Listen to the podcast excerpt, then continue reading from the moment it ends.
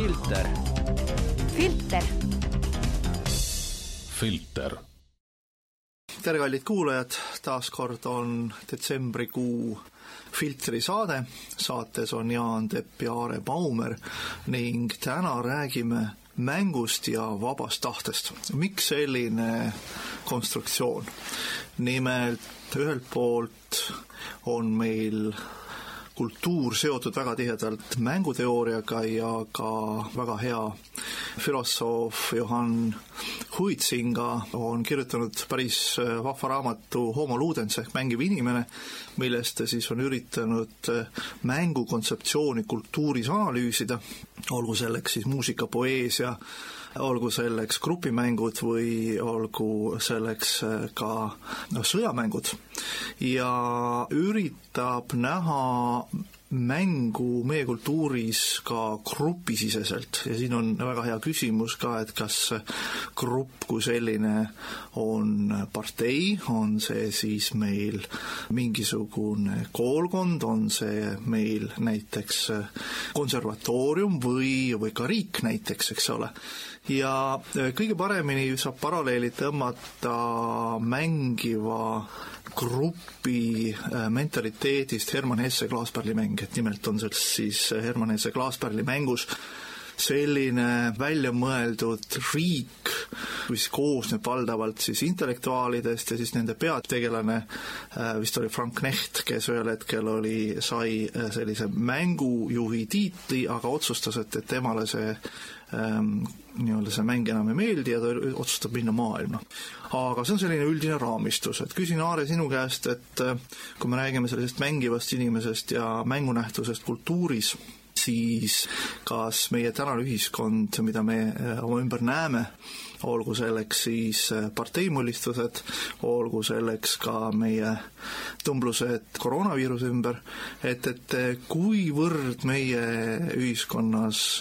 osatakse mängida ja kus kohas mäng on muutumas tööks ja maailmavaateks, ehk kus enam ei ole vabal tahtel ruumi? tere ja esiteks väga huvitav oli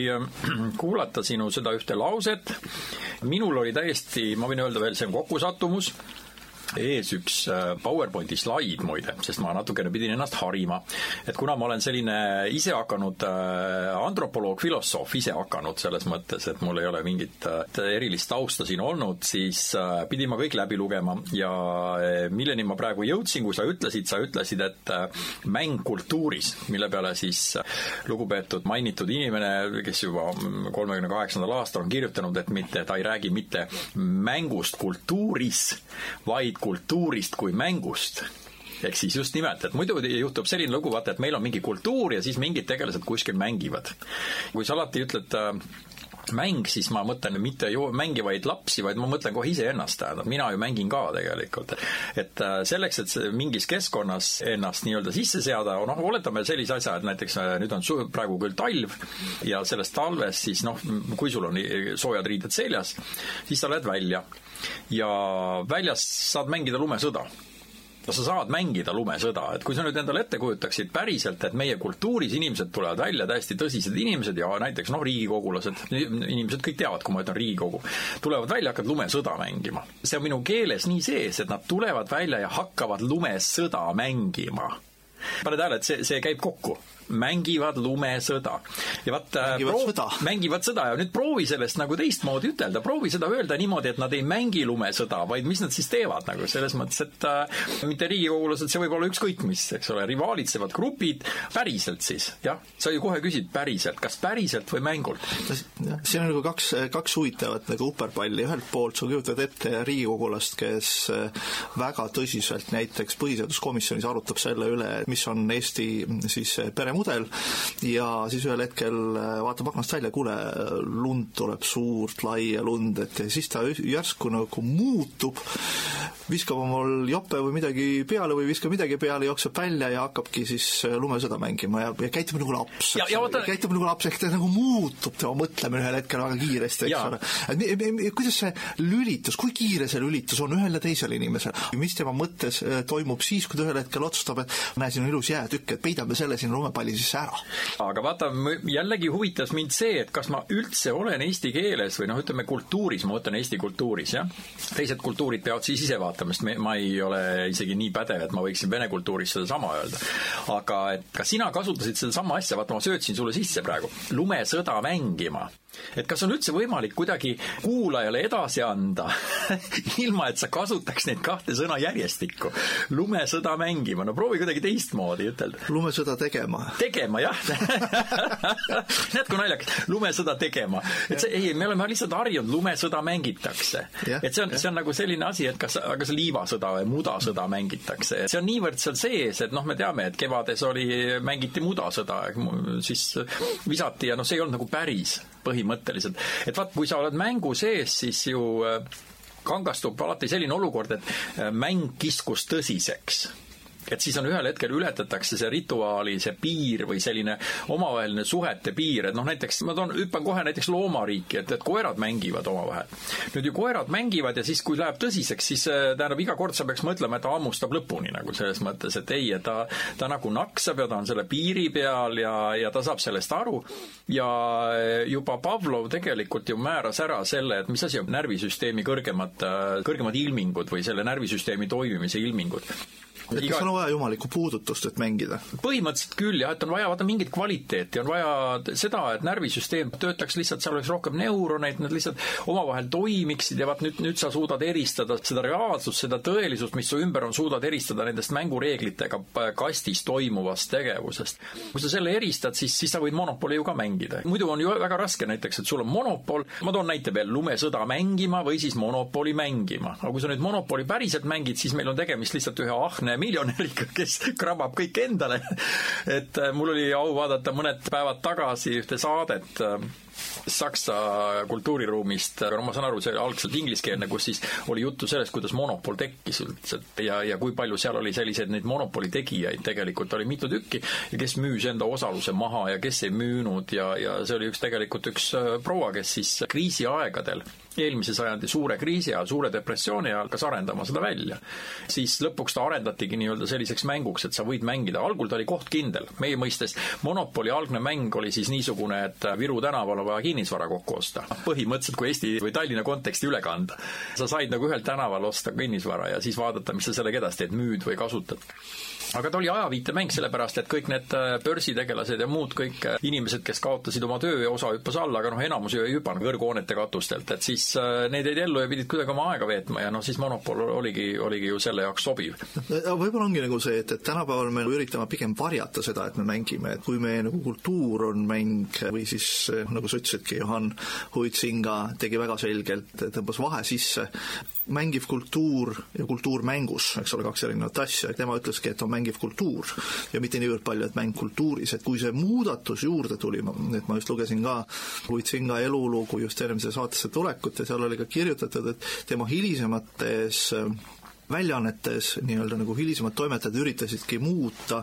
seda mõtet, et mitte kultuur ei mängi, vaid mäng on kultuuris, et mõneti nagu teha nagu sellist lahknevust. seda lahknevuse sissetoomise mõte oligi see, et, et inimene ei taha tunnistada, et ta tegelikult ongi üks osa suurest mängust, eks ole, milleks me võime nimetada ka kosmiliseks mänguks. Huitsinga selles suhtes märkas õieti ära, ütles, et ei, ei, et seda lahknevust nagu ei saa teha ja siit tulebki mõnes mõttes nagu sisse selline vabatahtliku küsimus, et kui Huitsinga ütleb, et kultuur ongi mäng ja me oleme üks osa kultuurist, järelikult me olemegi mängivad inimesed ehk homo ludens siis tema kontseptsioonis mõnes mõttes sellist vaba tahte alget väga palju ei olnud. ehk need hilisemad siis toimetajad, kes on ikkagi ütelnud, et kultuur ja mäng on üks osa kultuurist, et nad tõmbavad sisse mõnes mõttes sellise õhkõrna punktiirijoone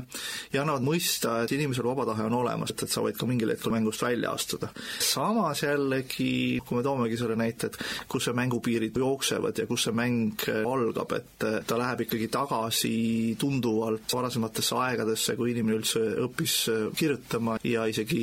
kopomaalinguid tegema, sellepärast et kui me nüüd räägimegi ikkagi sellisest ka loomariigis olevast mänguelemendist, noh, me mängime, sa mainisid siin koera loomana, mul on kass kodus, et kes ka teinekord kriimustab mind natukene ja siis vaatab, et ei mõju, siis teeb seda nagu tugevamini, et kas ta siis nagu katsetab oma piire, kas ta üritab oma tahet peale suruda ja, ja mis siis tegelikult toimub nii-öelda nagu ühe intelligentse looma peas, et kui ta mängib ja oma saba näiteks taga ajab. vot see kassi, koera ja delfiin, üldjuhul me ju teame, et delfiin on väga sõbralik, see meil on loodud selline kuvand. mina ei tea, kui ta suu lahti teeb, ma küll ei ütleks, ma vaatan, seal on pikad hambaread tegelikult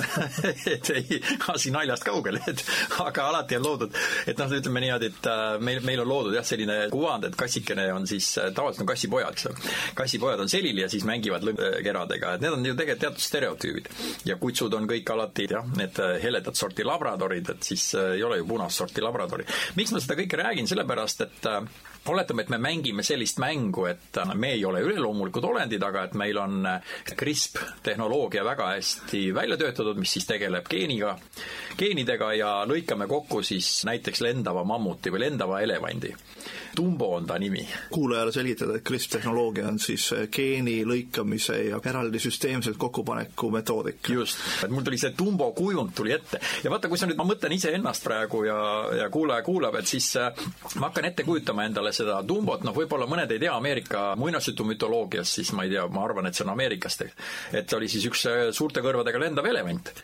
kes siis ei teadnudki, et ta lendab ja sellest on muidugi tehtud paar pisarakiskujat multifilmi, umbes nagu Bambiga, et Bambi ka tegelikult ju, äh, küll ta kaotas seal ema ja veel olid muud asjad, et ta nagu mõnes mõttes on mäng ja vaat nüüd see, kui ma endale ette kujutan seda, siis, siis ma lähen mängu sisse, et mul on lendav elevant, aga asi kisub tõsiseks niipea, kui ma seda geenitehnoloogiat kasutan. Ja ma hakkan aretama lendavaid elevante. nüüd äh, elevant ju veel ei tea, et ta lendab. elevant annab oma raku, mina lõikan selle kenasti kokku sealt, äh, saan lendava elevandi, noh, tähendab, tiibade siru ulatus peab olema, ma arvan, seal vähemasti mitukümmend meetrit oletame, et ja natuke kiirustama vaja vaata stardi ja selle, selle maandumise ajaks ja kui ma võtan Albatrossi aluseks, siis ütleme, noh, siis tiibade siru ulatus läheb veel suuremaks, ütleme nelikümmend meetrit. ja sellised lendavad elevandid võiksid ju meil looduses vabalt ringi rännata ja nüüd ma olengi ju selles mängus. ehk siis äh, mul on geenitehnoloogia olemas, elevant on olemas, kõik on olemas ja kui nüüd ma peaksin sellele elevandile siis äh, pärast sündimist õpetama selgeks lendamise, kas ma olen talle ema eest või on siis juba olemas mingi ema elevant, kes lendab, nüüd tekib see muna-kana efekt, aga veel kord, ma olen mängukastis, ma olen mänguruumides, kuidas mina mängin. tähendab, mul on võim asjade ja protsesside üle ja vot nüüd see võim asjade ja protsesside üle ongi nüüd see küsimus, mida me tegelikult siin lahkame juba tükk aega ja mida sa kenasti välja tõid, et see on tahtevabadus.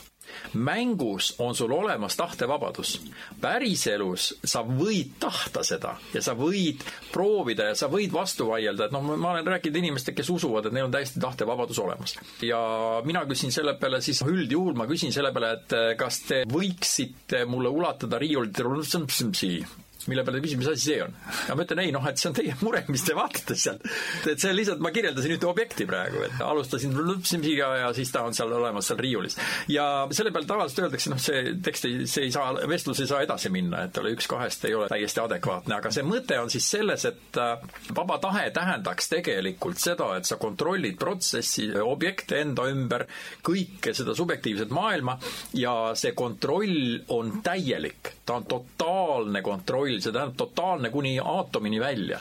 ja vot, ähm, kui sa nüüd jõuad nagu selleni, et, et sul on täielik kontroll keskkonna üle aatomi tasandil, jah, välja sinna elektronide seosed, miks ma seda ütlen niisugusel kujul, on väga lihtne, sellepärast et ained koosnevad molekulidest, näiteks ma, mul on kontroll saiatüki üle, siis mul on kontroll ainult tema pruunistamise üle rösteris, aga mul saia üle ei ole, sai on liitaine, seal on erinevad ained sees, nüüd mul ei ole kontrolli mitte ühegi elektroni üle. mul, mul ei ole kontrolli, aga minu vaba tahe näiliselt on olemas, et ma võin pruunistada saia röstris. ja nüüd vaata, kui ma võtangi riiulilt äh, selle saia, mulle jääb tunne, et ma olen vaba tahtega röstri kallale minemas. ja aga tegelikult mul on kõht tühi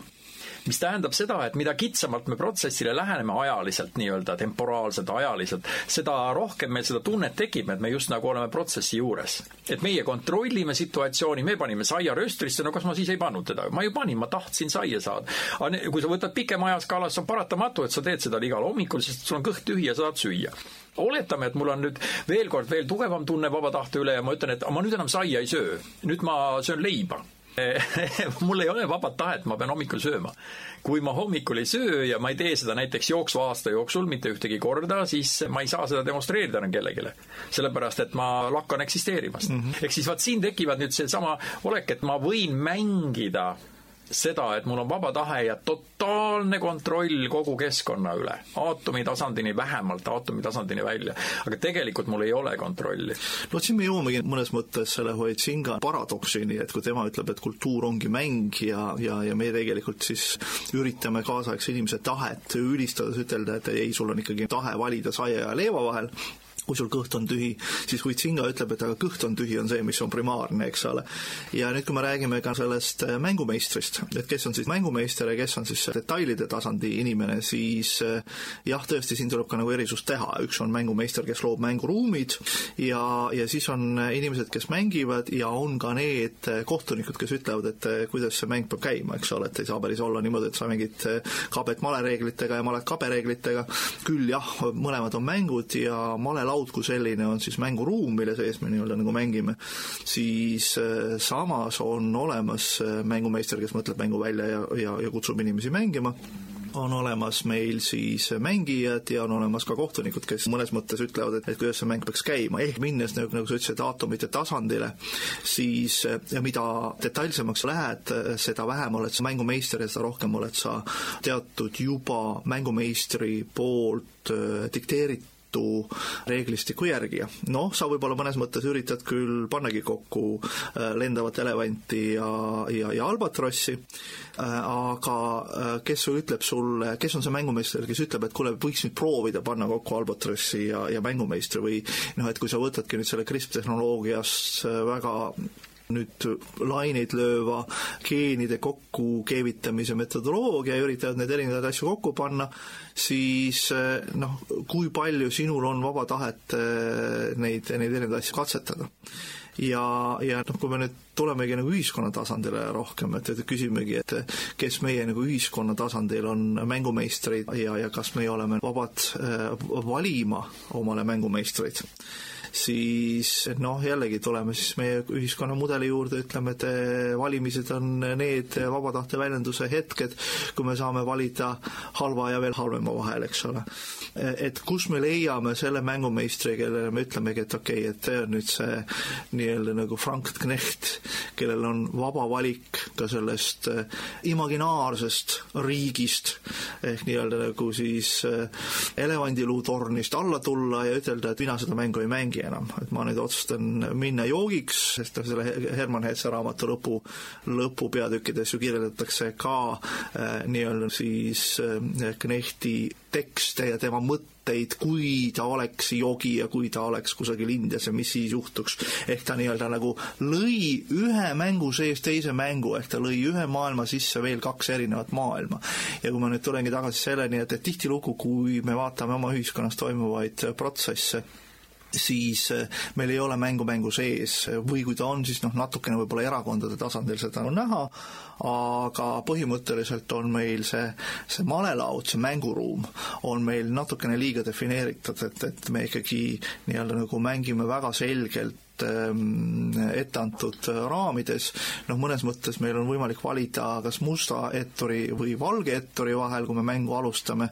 aga meil ei ole ikkagi võimalik otsustada, et ei, ma täna nagu malet sinuga ei mängi, täna ma tahaks mängida hoopis midagi muud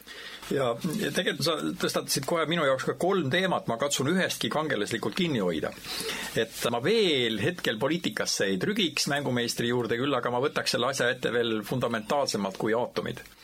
ehk siis kui palju on meil üldse olnud võimalust midagi muuta, sellepärast et me oleme selles maailmas juba nii-öelda,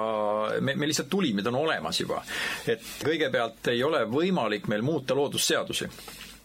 me ei saa muuta ühtegi loodusseadust ja kui me vaatame enda ümber, siis oh üllatus, üllatus. aga kuidas selle lendava elevandiga ikkagi on? kohe, kohe ma jõuan sinnani. et äh, kui me vaatame enda ümber, siis oh üllatus, üllatus. tavalisel inimesel muidugi ei teki, võib-olla ma mõtlen tavalise all lihtsalt seda, et noh, teed oma tavalise inimese asju, eks ole, siis ei teki, aga noh, meil on siin äh, esiteks natukene suhkrut, teiseks andsid mulle glükoosi, et mu aju hakkas tööle, glükoos jõudis pähe ja nüüd ma ütlen, üllatus, üllatus, sa lähed vaatad ja avastad väljas puu näiteks või kivi või millegi muu. ja kui sa hakkad nagu mõtlema, et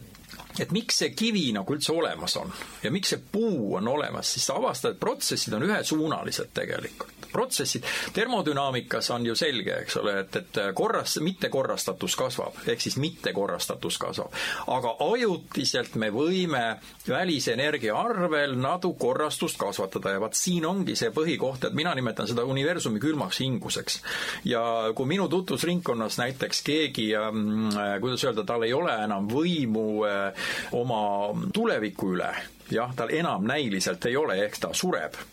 või on surnud, siis ma nimetan seda universumi külmaks hinguseks, mis tabab korraks teisi. ehk siis universumi külm hingus tähendab just sellist olukorda, kus sa äkki jälle oled reaalsusega koos, et kui sa muidu mängid, mängid seda, et üks on äh, ütleme seal äh, niisugune, teine on direktor, kolmas on neljas, viies, kuues, seitsmes, üks on päravvaht ja nii edasi, siis äkki sa avastad, et kõik on võrdsed ja tegelikult ju valikuvõimalust ei olnud ehk siis suri ära ja olid kõik. nüüd, äh, et mitte liiga morbiidseks minna, siis ma ütlen, et tegelikult ju ümberringi kõik on sedasi, et kui sa vaatad, siis puud surevad ja kivid ka surevad, jah. ikka laguneb ära, eks ole, jätad mere kaldale, tuled tagasi kümne tuhande aasta pärast vaatad, ohoo, juba kivi kadunud, eks selle asemel on mingi liivapuru ainult või midagi muud, kivipuru. Et sellisel kujul, kui me vaatame universumi tulevikku pigem, see on hulka olulisem, siis sellest hetkest alates me just nagu oleme siia tulnud ja läheme tulevikku edasi, jah. ja kui meil oleks täielik vabadus tõesti tulevikku mõjutada, siis noh, Strugatskid proovisid seda Stalkeris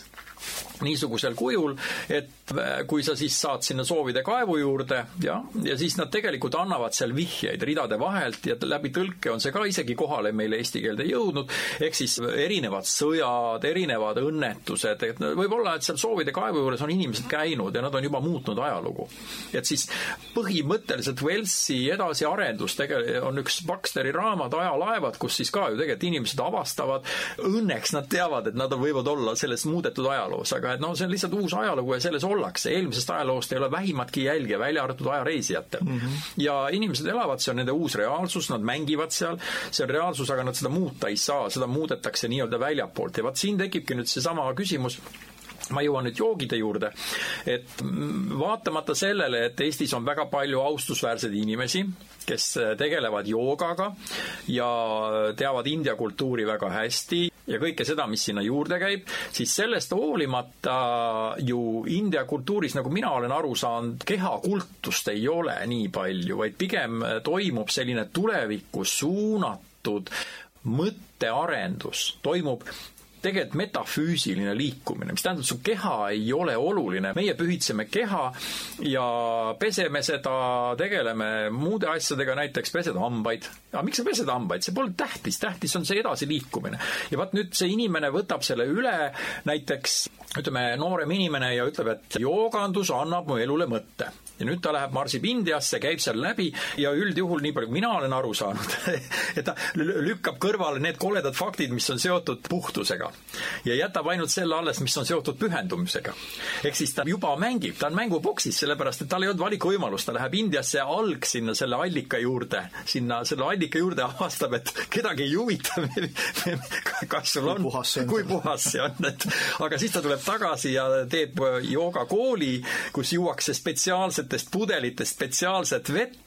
jättes maha tohutu jalajälje rohelise, sellise, kuidas öelda, suur matsakas auk on maa sees. ja nüüd juues seda vett, siis ta seal rõõmsalt hüppab, nimetab seda mingiteks pühendunud koolideks, nii edasi, kõike, kusjuures ma vabandan tõesti kõigi inimeste eest, kes pühendumisega tegelevad. aga et sellisel juhul näidake ette karvad kaenla all, palun, ja igihais. et äh, sest et ei ole oluline, et sul on iga päev puhtad riided seljas või et need plastpudelid, et joote, joote lihtsalt peoga vett. no üldiselt ikkagi loob ka siis see joog joogi endale uue maailma või ta on ka mõnes mõttes nagu selles nagu mängumeister, et algul tal oli idee, et, et kui ma nüüd lähen, käin seal Indias ära, siis ma saan piisavalt valgustatud ja see on see tema sisemine leek, eks ole, et, et mis teda liikuma paneb ja nüüd, kui ta käib seal ära, siis see on jälle see küsimus, et plikiteooriast, millest me siin varasemates saadetes oleme rääkinud, et, et kui üliõpilane on veendunud, et õppejõud on kuri ja tahab teda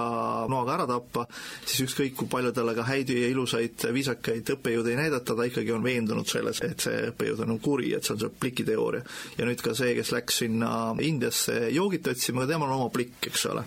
ja ta läheb seda vaatama ja isegi kui ta näeb kõik seda mustust ja, ja räpasust, siis temal on oma leek sees, temal on oma plikk, ta ikkagi usub, et see joogidelt saadav siis valgustatus on piisavalt suur ja see innustab teda ja ta tuleb tagasi ja teeb oma joogikooli. nüüd küsimus ongi see, et kas ta hakkab siis plastpudelitest oma, oma õpilastele vett pakkuma või kusjuures kallitest pudelitest. ja või teeb seda kuidagi muud moodi, aga jällegi näed, et ta on saavutanud enda peas sellise kutsumuse, et olla mängumeister, eks ole, tema antud hetkel, mis räägimegi, et tema on siis nagu see joogimängumeister aga tõesti, et küsimus sellest mängumeistriks saamisest hakkab ju peast pihta, eks ole, et, et kui me ennem räägime sellest paradoksist, milleks on siis füüsiline maailm ja meie keha, mille vastu me ei saa, nälg tuleb peale ja pead võtma kas vett või siis leiba või, või saia või tuleb janu või pead võtma vett, et see on see füüsilisest maailmast tulenev paradoks ja see on nagu mõnes mõttes see, millele ka Johan Huitsinga viitas, kui ta ütles, et mäng ongi kultuur, et ta ei tee seda vahet, eks ole, ja nüüd tuleb see hilisem kontseptsioon, kes ütleb, et ei, et põhimõtteliselt ikkagi eh, see sisemine leek, eh, see sisemine veendumus, eh, soov saada mängumeistriks ja luua siis intellektuaalne maailm on, on primaarne ja siis ta loob oma mängu, eks ole, nii et nii nagu siis keegi tahabki saada filosoofiks ja ta hakkabki looma oma kontseptsiooni, noh muusikud samamoodi, eks ole, muusik hakkab looma ühel hetkel muusikat ja ja, ja tema loob oma sellise meloodia, et nii nagu igal kirjanikul on oma stiil, nii on igal muusikul oma stiil, kunstnikul, kes maalib midagi, kasutab mingeid värve, sa tunned ilmeksimatult ära, et kui sa vaatad, noh, ütleme see, noh, kui sa mingit tundmatut kunstnikut vaatad, kui see on väga huvitav mõte, vaata, et, et kui sa, kui tehakse sellist pimemängu, et pannakse sulle ritta tundmatute kunstnike maale ja sa üritad aru saada, et millisest klassikust on ta tegelikult mõjutatud. ma tahaks lisada siia juurde, et see on väga hea näide, sellepärast et kui sa ütlesid klassikust mõjutatud, et kui ma võtaks ette näiteks mingisuguse ekspressionismi popkunsti või midagi veel hullemat näiteks, kus on äh, lihtsalt sellised kriipsud, vett, siis on visatud natukene värvi sinna peale, et vaat kui sa nüüd küsid, et millise kunstniku teosed need on, et kunstnikul oli oma arvates peaaegu vaba tahe täita äh, lõuend erinevate värvipritsmetega. ja see kuivas kõik ära ja siis ta ütles, et äh, selle nimi on hommik, aga teise nimi on hommikune vihm ja nüüd need kaks erinevad üksteisest, nüüd sa võtad kolmanda samalaadse, nüüd paned ette küsida, kes see kunstnik oli. ja niipea, kui siis äh, tekib ette meil Mona Lisa, keda on meil pähe taotud, et see kuulub Leonardole, ja siis on veel mõned maalid, siis ma veel võin seda eristada, aga kui niipea, kui see, kuidas neid mänge tuleb juurde siis tekib ühel hetkel see võimalus, et, et sa oled niivõrd infost küllastunud, et sa pead hakkama üldistama, et sa, siis, siis tekivad sellised äh, kunstivoolud nagu lutšism või äh, neorafaeliidid või midagi muud või siis Rubens juba, näiteks mina põhimõtteliselt mõtlen, et äh, neorafaeliidid ma suudan täiesti selgelt klaariks saada, sest seal on üks väga spetsiifiline kunst, aga see oli niivõrd modernne, et näiteks mina, kui ma lähen kunstimuuseumisse, kus on üleval nii üheksateistkümnenda sajandi maalid, osa nendest, kui ka siis ütleme, veel vanemad ja kahekümnenda, siis teatud kunstivoolude puhul ma ei suuda seda eristada, sellepärast et minu, minu, minu nägemus sellest ühtib näiteks üheksateistkümnenda sajandi maalikunstnikuga mõnega. ja nüüd ma ei saa midagi klaariks, eks ole, kõik, mida ma tean, on Leukippose tütarde röövimine aga ütleme, et see, kus nad seal seisavad mingite mõõkadega, mis on hea näide seal ja mingi vanne on, et näiteks seda ma enam ei tea, kelle oma see reaalselt on. aga noh, realismi ja seda tumedust, seda realismi väljatoomist, seda mingid matused kuskil Prantsusmaal on üks realismi tüüpiline sellised näited, et noh, kui me nüüd siia peale läheme, siis siit ma ei saa enam midagi aru. aga ma mõtlen veel, et, et vaata, kuna seda on nii palju, siis hakati üldistama ja kastikesi tõmbama. et ekspressionistid on eraldi, impressionistid on seal, vot need üldistused ja nüüd need on ju ka tegelikult mänguboksid, eks ole. täpselt, see malelauad, mida meil luuakse, eks ole. jaa, just täpselt, et impressionismi jaoks ma mõtlesin ühe hea nalja välja, ma sain isegi Facebookis päris mitu laiki selle peale, et et kuidas sünnib impressionism, et see sünnib väga lihtsalt, et sul on prillid ees ja siis äh, sajab uduvihma, sa seisad ja vaatad laternaid et, et ja ongi, et, et see on seesama tänav. aga mõnes mõttes me puudutasime siin hetkel nüüd hariduse rolli mängukultuuris ja kui me nagu üritame tegelikult äh, hullumise vältimiseks äh, noh, lahterdada erinevaid nähtuseid, nagu me just tõime siin näite kunstist ja impressionismist ja paljudest muudest kunstivooludest, siis ongi ju see, et kooliharidusel üritataksegi kohe hakata edastama lahterdatud teadmisi. kaste. kaste. ja, ja kui, kui suur on nüüd selle mängu element äh, selles äh, meie kur, nagu hariduses? me, me saame aru, et ka suurtel mängumeistritel on oluline, et äh, nüüd uus pealetulev põlvkond mängiks reeglite järgi, et ta mängiks malet ikkagi malereeglite järgi, mitte kabereeglite järgi, aga samas noh, kui megi räägime, et, et kultuur peab olema liikuv, mitte liikumatu, me veel poliitikasse ei ole jõudnud, varsti nüüd jõuame poliitikasse ka, et kui me nagu räägime sellest, et kultuur peab olema liikuv, sest siis on ta dünaamiline ja ta loob uusi väärtusi, siis küsimus on see, et, et kas selline etableerunud haridussüsteem kastikeste kaudu edastatav tarkus või, või siis nii-öelda reflektsioonid erinevatest kultuurinähtustest on ka see kõige parem lahendus siin nagu tekibki see, see küsimus, et laps ju eelkõige mängib, et noh, et me õnneks teame, et, et see on vastu võetud äh, seisukoht, et laps peabki mängima, see ongi, ta mängib ka kooli esimestes ka klassides, eks ole, enamasti ei üritata kohe aabitsat lapsele selgeks teha, vaid ikka eelkõige läbi mängu. ja, ja noh, ütleme, kui me vaatame ka karuaabitsat või siis ka seda lastesaadet karuaabitsast, et kas see kõik, selle tähtede õppimine toimus läbi mängu, läbi siis ka nagu teatud kujundite. ja nüüd on see, see küsimus, et kui mida vanemaks me saame, noh, öeldakse, et vanem inimene on konservatiivsem, et see on nagu hea näide, et noor inimene on liberaal, reeglina vasakpoolne, reeglina tahab mässata, ta tahab mängida, ta tahab tableerunud kastide vastu sõna võtta ja mida vanemaks me saame, seda rohkem me usume kaste ja, ja vähem usume mässavat vaimset jõudu. siinkohal võib jälle öelda, et, et eks minu aju on ka täis neid stereotüüpe, mida minu head õpetajad sinna pähe nagu läbi silmade kõrvade nii-öelda valasid. ja kui me räägime jah, sellest konservatiivsusest või mängust, et siis ütleme nii, et konservatiivsuse ja sellise nagu mittemängu taga seisab selline kuvand mul nagu siis selline tammsaarelik tõde ja õigus, kus juba tegelikult oli ka mäng, aga ma lükkan selle kõrvale, selle mängu, jah, selle vaidlused ja jääb selline loodusjõududega ja põldude harimine ja raske elu ja kõik niisugused asjad natuke nagu jutumärkides, mis tegelikult on meil ajaloos väga lähedal. et selline koht, kus noh, ikkagi mängul ei olnud ruumi, sest et kui laps sündis, siis ta pidi peres tööd tegema, ta pidi, ta tuli, ta oli tööloom. ta tuli seda tegema, mis tähendab seda, et üks võimalus on, et mäng on ikkagi sellise organiseerituse ilming juba, kus ressurssi jääb natukene üle kus ei ole puhtalt ainult sellist, kuidas öelda, tööloomaks olemist. bioloogiline eksistents. jah, ja see kõige madalam tasandil, et noh, Maslowi püramiidis on see võimalus olemas, et niipea kui siis, kui kõik, enamus selliseid, kuidas öelda, baastasandi soovikesi on ära tehtud, me oleme sellest juba täna ka rääkinud, aga et siis ühel hetkel, kui ressurssi jääb üle, et siis me hakkame mängima. mul on siin tegelikult äh, mõned teemad, mida ma tahaksin sellega seoses rääkida, et mängu püsivus läbi aegade, ehk siis vaat seesama, et äh, sa ütled, et õpilased või lapsed või, aga ma, ma jälle mõtlen, et äh, kui vanemad inimesed, nagu sa ütlesid, ka vanemad, oma, oma raskest elust või siis sellest elust püsimise vajadusest tingituna tegelikult ei taha, nad lükkavad selle kõrvale, et nad on kunagi lapsed olnud. ja nad näevad, et ainult selline tõsine vanatestamentlik, ma võiks öelda, selline suhtumine tagab kultuuri. tegelikult kultuur on ju ise püsiv elus, ta püsib ise elus, ta on, ta nagu öeldakse, tahab pidevalt seda homöostaatilist keskkonda saada või tekitada staatus quo'd, et, et kõik toimub ja siis see kultuur ennast läbi selle, vot selle konservatiivsuse läbi selle mängu hoiab elus, aga mängu püsivus on tekitanud minul selle küsimuse, et kui see on nüüd tõepoolest meem, mis liigub läbi aastatuhandete, see liigub väga kaugele, see, see, me võime ilmselt rääkida tagasi seda päris, päris kaugele sellest, et et võtame või selle Amazonase alles hiljuti avastatud eh, joonised, see on samuti eneseväljendus, tähendab, et see tegelikult ju joonistasid midagi üles, see on mõnes mõttes ka mäng, et ta on rituaal. Sa joonistad midagi üles või võtame selle Prantsuse koopad, need kolmkümmend tuhat aastat tagasi, siis see on samuti, et kui ma joonistan kellegi üles, ma võin tegelikult talle saba taha joonistada või mitte saba taha, ta on mingi rituaali tunnus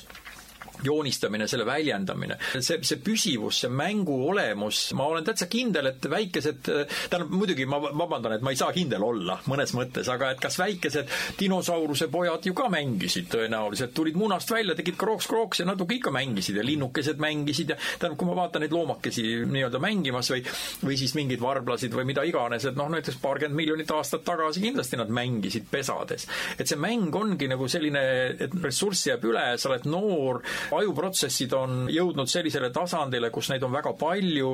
kus ei ole seda puhtalt reaalselt seda, ainult seda, et paljune ja söö mulda,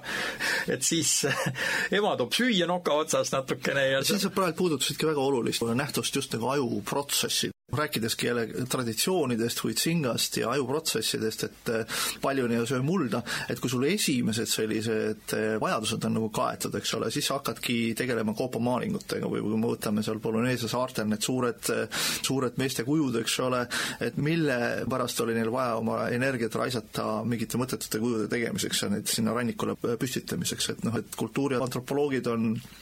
üritanud seda nagu lahendada, aru saada, et kas siis on olnud sel ajal seal väga head saagiajad, et inimestel ei olegi nagu enam midagi muud teha, et noh, seda jõudu on nii palju üle, eks ole. ja nüüd küsimus ongi see, et kui sul nii-öelda esmased vajadused on täidetud, et kas sa hakkad füüsiliselt midagi tegema, ka sõda on üks selline näiteks nagu füüsiline tegevus, mida, kuhu sa nagu kanaliseerid oma liigse energia, või sa üritad siis seda kanaliseerida nii-öelda ajuprotsessidesse. ehk tulles jällegi nagu keele juurde, et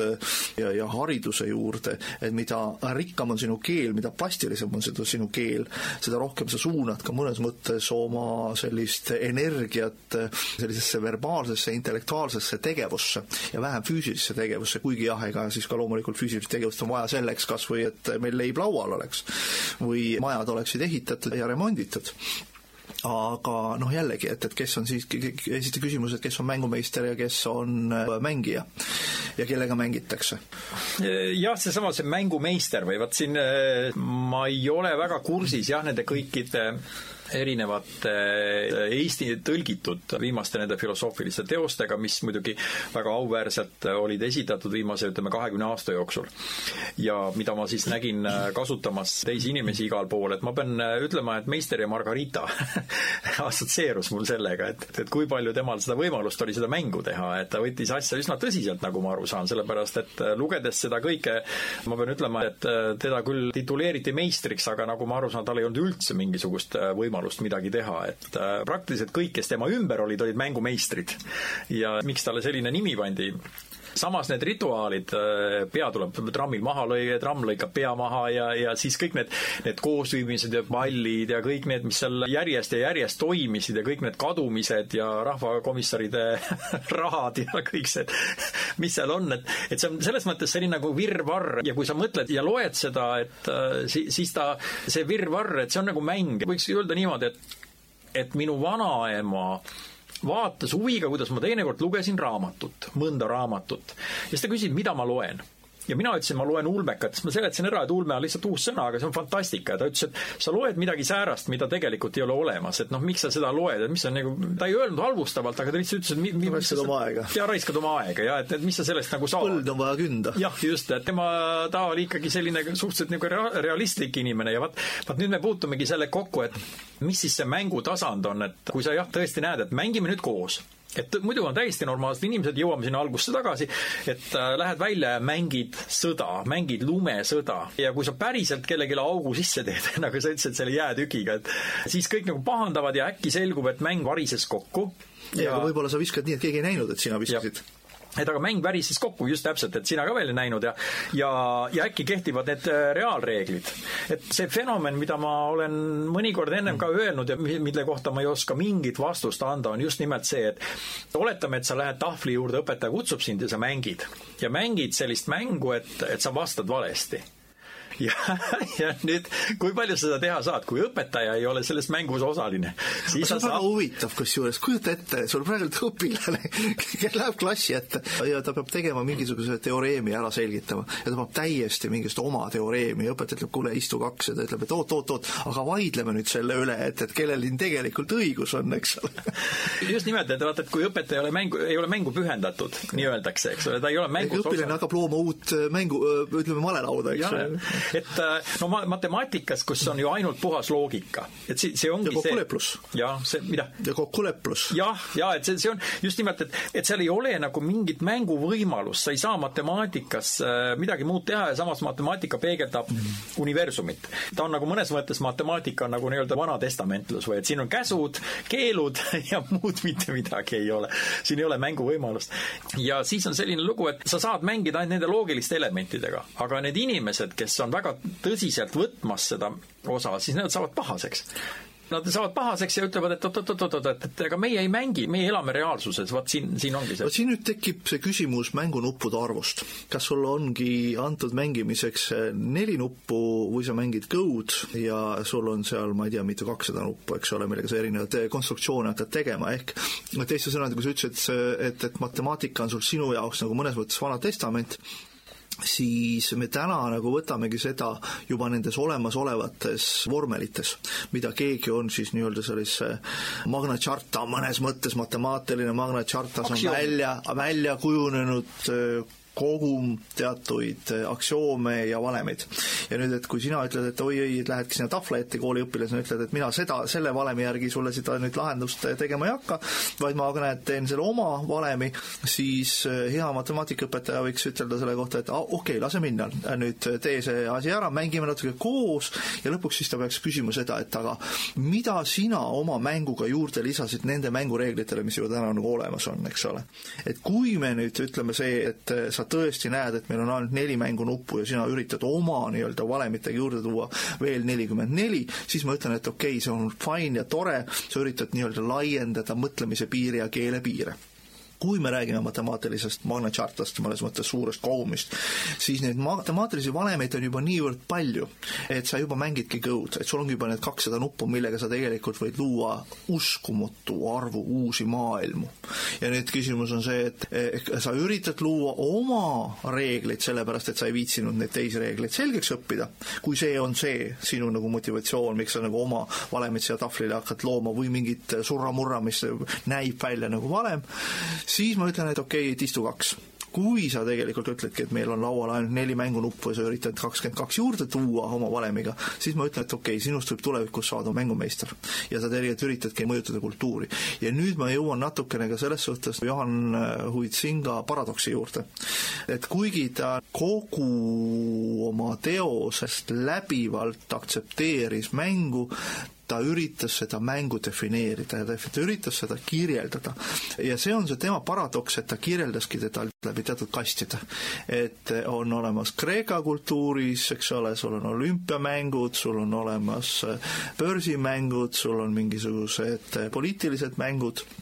siis ta tõi sinna juurde erinevaid nähtuseid kultuuris teisteski kohtades, et ta erinevate kultuuride kaupa üritas siis ütelda, et mis on mis mäng, mis on poeesia, mis on muusika, mis on sportmäng, mis on hasartmäng, füüsiline sportmäng, ehk ta mõnes mõttes jäigi ikkagi kinni sellesse paradoksi, et meil ei ole vaba tahet, eks ole. et see on see eh, vaba tahte puudumine kui singa homo ludensis, et ta üritas kõike panna nendesse olemasolevatesse kastidesse, karpidesse, et kreeklased mängivad nende reeglite järgi, indialased mängivad nende reeglite järgi, muusikud nende järgi ja ta ei üritanud äh, nagu mõnes mõttes neid mängunuppe juurde luua. ja mis on nüüd selle kaasaegse maailma paradoks ja mõnes mõttes õnn ja õnnetus, kus me täna oleme, et me ütleme, et noh, vanasti meil olid reeglid, rohi oli rohelisem, majandus õitses, täna meil on suur sigri-migri, kõik ütlevad, mida nad tahavad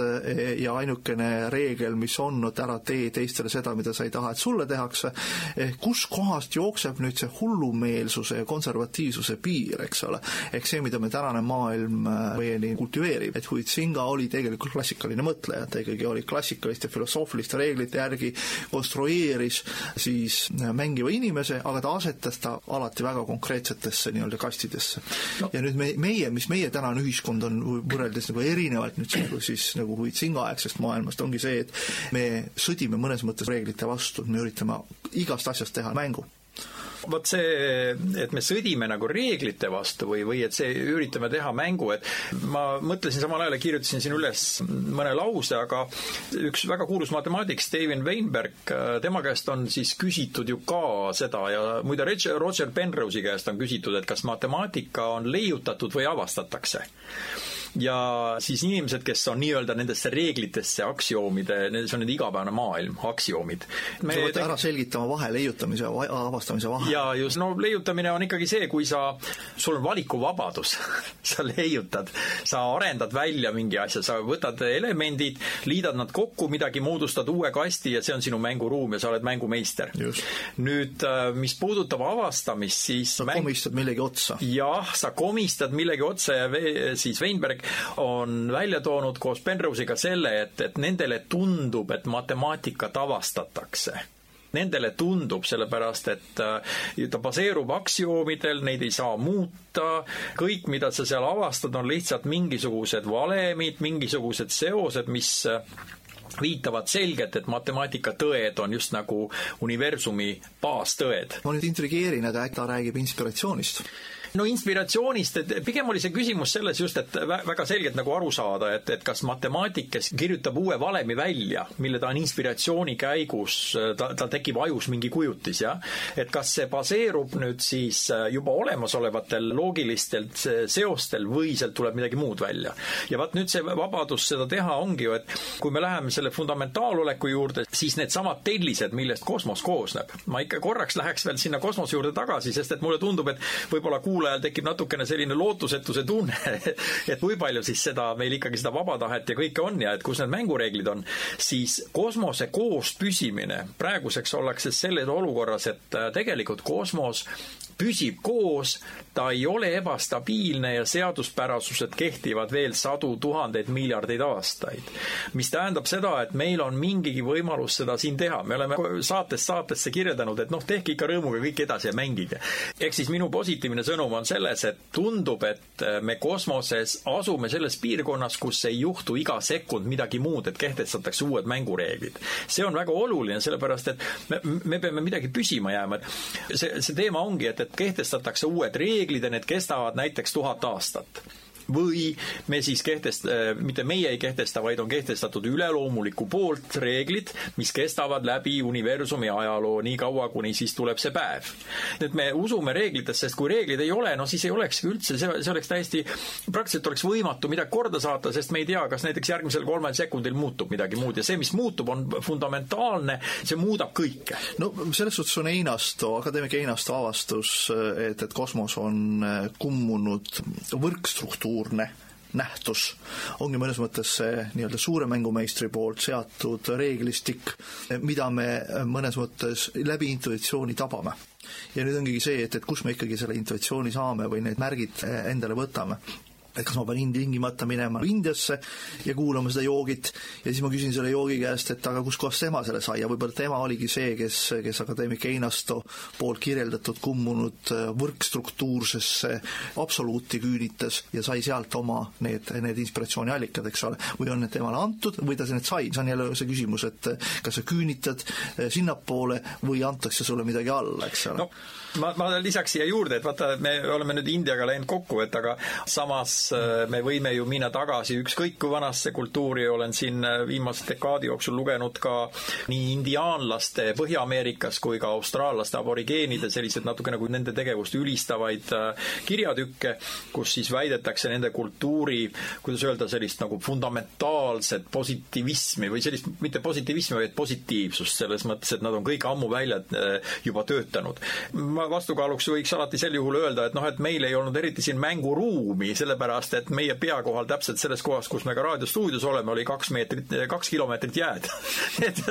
ka me võiksime vabalt hiilata siin oma kolmekümne või neljakümne tuhande aastase ajalooga ja nende koopajoonistega, mis on seal kuskil Tori kandis. aga et häda on ju selles, et jääkilp tegelikult pühib kõik minema. ja vot see, kuhu ma tahaks nüüd edasi tüürida, Jaani, on väga lihtne selline väike intriig, et meie mängime, meie siin kehtestame reeglid, paneme ausammad üles Vabaduse platsile klaasist ja puha, kõik on väga hea ja siis äkki selgub meile, et tuleb jääaeg. ja oletame, et me oleme teel, et praegu algul küll sulab, aga muide Gibraltari koobaste uurimised tõestasid veenvalt, et neandertaallaste puhul oli tuhande aasta perioodises üsna mitu perioodi, kus veetase kõikus kuus kuni kaheksa meetrit. vaat nüüd on see küsimus, et äh, tuhande aasta perioodi jooksul, et, et äh, me oletame, et meil on siin riigivõim, kõik on tore, nagu ma veel kord ütlen, Vabaduse sambra on suur klaasist rist ja siis tuleb jääaeg niimoodi kahesaja aastane või Maunderi miinimum, mis lööb sügavamale kui Maunder selle avastuste järgi, jah, sügavamale kui tegelikult äh, Maunderi miinimum oli, kui seal Hollandis olid kanalid jääs. Ehk siis lööb siia kuskile niimoodi sajaks viiekümneks, ütleme nii, et kahesajaks aastaks lööb siia miinus nelikümmend, viiskümmend sisse, et kas see sel juhul, see mängumeister, see suur meister, kas me oleme sunnitud uued mängud välja töötama, ütleme, et tühja nende vanadega et lähme siia uutele maadele, siis me oleme ju nomaadid sel juhul. no vot siis nüüd küsimus ongi see, et, et mis perspektiivis sa seda kogu pilti vaatad, et kui sa nüüd vaatad siis suure mängumeistriga kontekstis, kes saadab meile suure jääaja siia, kogu siis Eestimaa on kaetud, ma ei tea, kümnemeetrise jääkilbiga. oot, oot, ei, vähemasti kilomeetris. no kilomeetris, okei okay,, no, no et ma küll üritasin nagu joonistada pilti nüüd siis sellest Vabaduse sambast, eks ole okay, okay. oletame siis Vabaduse sammas ei ole mitte kakskümmend meetrit pikk, vaid ongi kilomeeter pikk. ja nüüd on sul siis konkreetselt see jää, mitmekilomeetrine jääkilp on peal ja jääkilbi peal turritab välja siis äh, Vabaduse sammas, eks ole. ja nüüd mängime ja nüüd ah, siis ongi siis see mängu, mängumeister nagu vaatab, et kõik on, äh, maailm on tühi ja lage ja püha vaim lehvib vee peal, aga seal on üks mingisugune klaasist rist, mis turritab välja ja hakkab uurima, aga mis kultuurinähtus see ikka nüüd oli, eks ole. hakkab siis uurima, avastab, et tegelikult kogu elu toimubki siis jääkilbi all, kogu tsivilisatsioon ja kultuur on peitunud, kogu linn on uuristatud sinna kuhugi jää alla, kõik peitub seal. Ja nüüd küsimus ongi see, et kas need pisikesed äh, jääkilbi alla peitunud inimesed, kes on loonud selle aja siis selle paarisaja aastaga, kui see jääaeg on olnud, on loonud sinna oma tsivilisatsiooni, oma keele, oma arusaamised, kas nad suudavad aru saada, et sealt jääkilbist teisel pool on veel üks mängumeister, kes üritab siis ära välja nuputada, miks see klaasist rist seal selle jääkilbi peal on, eks ole. et mõnes mõttes, kui me räägime ka sellisest matemaatilisest nagu Magna Chartast või selliste reeglite kogumist, siis paljusid filosoofe ja antropolooge, või antropolooge vähem küll, filosoofe on üllatanud see, et suurem osa suuri matemaatikuid on oma olemuselt religioossed. miks nad on religioossed? see ongi see, et nad on need suured mängijad, kes ühel hetkel mängides erinevate sümbolitega, mängides erinevate märkidega, saavad aru, et me kas oleme oma suletud siis mängulaual või meil on palju mängulaudu, ehk me liigume pidevalt oma mõttesfääris võimalikult kaugele, võimalikult äh, ääre poole, ehk me üritamegi ühel hetkel piiludagi selle jääkilbi alt välja ja, ja tajuda seda, et ka selle jääkilbi peal on veel midagi. niipea, kui sa hakkad lähenema sellele tõelisele arusaamale nendest fundamentaalreeglitest, siis sul jääbki see võimalus üle, et sa saad aru, et need reeglid on tunduvalt fundamentaalsemad ja püsivamad kui see, mis tema ümber on maailm. selle mängureeglite puhul ongi mõnes mõttes küsimus, et kas sa oled mängumeister või mängija, et vaata, kui me räägime muusikust ja me räägime siin ka noh, me rääkisime matemaatikast, me rääkisime muusikast, räägime siin või poliitikast. jah, et ühel hetkel, millal sa saad ütelda, et sa oled muusik ja millal sa saad ütelda, et sa oled äh, muusik suure algustähega sa võid omistada Muusikaakadeemias kõik vajalikud oskused. sul võib olla, noh jälle küsimus, kas on olemas muusikaline kuulmine või see on välja mõeldud äh, meem. ka mõnes mõttes äh, muusikuks saamine on väga palju sellist käsitööd ja tuima tööd, eks ole, sa omistadki kõik need reeglid, kogu selle muusikalise Magna Charta, ja nüüd on küsimus see, et sulle pannakse ette väga keeruline äh, noodistik ja nüüd on see, kas sind hinnatakse selle järgi, kui puhtalt sa mängid maha teise muusiku poolt komponeeritud töö või oled sa muusik sel hetkel suure algustähega, kui sa ütled jah, ma nüüd oskan mängida kõiki suuri ja keerulisi töid, aga nüüd ma hakkan ise muusikat looma. vot see piir siin vahel, kas ma olen nii-öelda geniaalne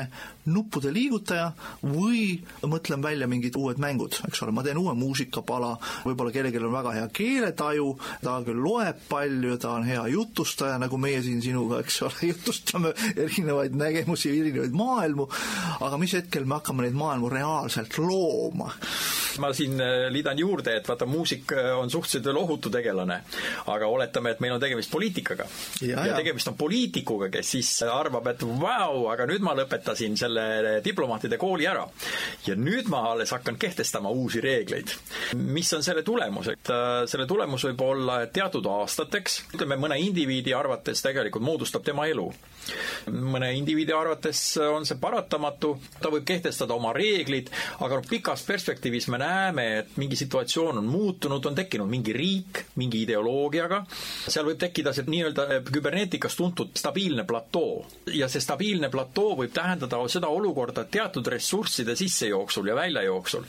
et see poliitiline kord jääb püsima küberneetikas on see väga tuntud ja ma pean ütlema, et just mingi tund-poolteist tagasi oli väga huvitav olukord eh, minu Facebooki ühel grupil, mis tegeleb seda amatöörteadusega. ja seal oli välja toodud detail, et eh, Gemini reisid kuuekümnendate aastatel, Ameerika reisid, et nimelt avastati, et kui kosmoselaev, siis Gemini kosmosekapsel nii-öelda süveneb uuesti maakera atmosfääri, kui ta tuleb tagasi maanduma. see avastati suhteliselt juhuslikult, päriselt ka, et tal on kaks stabiilset olekut. üks olek on siis põhi ees, seal, kus on soojust neelav äh, ekraan ja teine pool on nina ees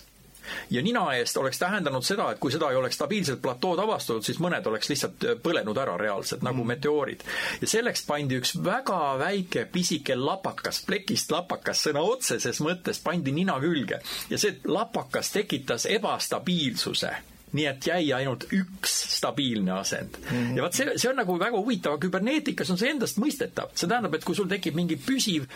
stabiilne olek ja näiteks need on kolm olekut või kaks olekut, siis näiteks mingi riigikord kehtestatakse ja ta võib jääda püsivaks, kuigi ta ei meeldi selle riigis elavatele kodanikele. nii et mulle ei meeldi küll sellest pikast jutust küberneetiline poliitik, et see on et see oleks nagu hea, hea väljakutse meie ühiskonnale, et kui peaks olema hästi palju nagu küberneetilisi poliitikuid, kes leiavad oma mingisuguse lapaka, mis tekitab ebastabiilse olukorra ja, ja põhimõtteliselt siis teatud poliitilisi mängumeistreid meil ikkagi vaja nagu on otsustamine, et, et mina seda mängu enam edasi ei mängi, ma otsin endale uue mängumeistri, kes loob minu jaoks uue huvitava maailma, kes mitte lihtsalt eh, ei mängi maha Tšaikovski esimest eh, sümfooniaorkestrit väga selge ja puhta noodiga, vaid kes on ka võimeline looma uut eh, muusikalist pala. selline on siis meie saate selline üleskutse. ja lõpuks ma võin lisada siin Jaanile veel, et hea sõnum kuulajatele on see, et kosmos püsib koos ja ja jõulud on tulemas. ma arvan, et ega me siin midagi suurt muuta ei saa. ja Einasto struktuurne kosmosemudel kehtib head kuulajad, taaskord oli siis Filtri saade ja eetris olid Jaan Tepp ja Aare Baumer.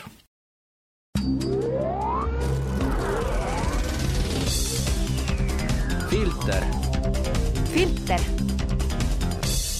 filter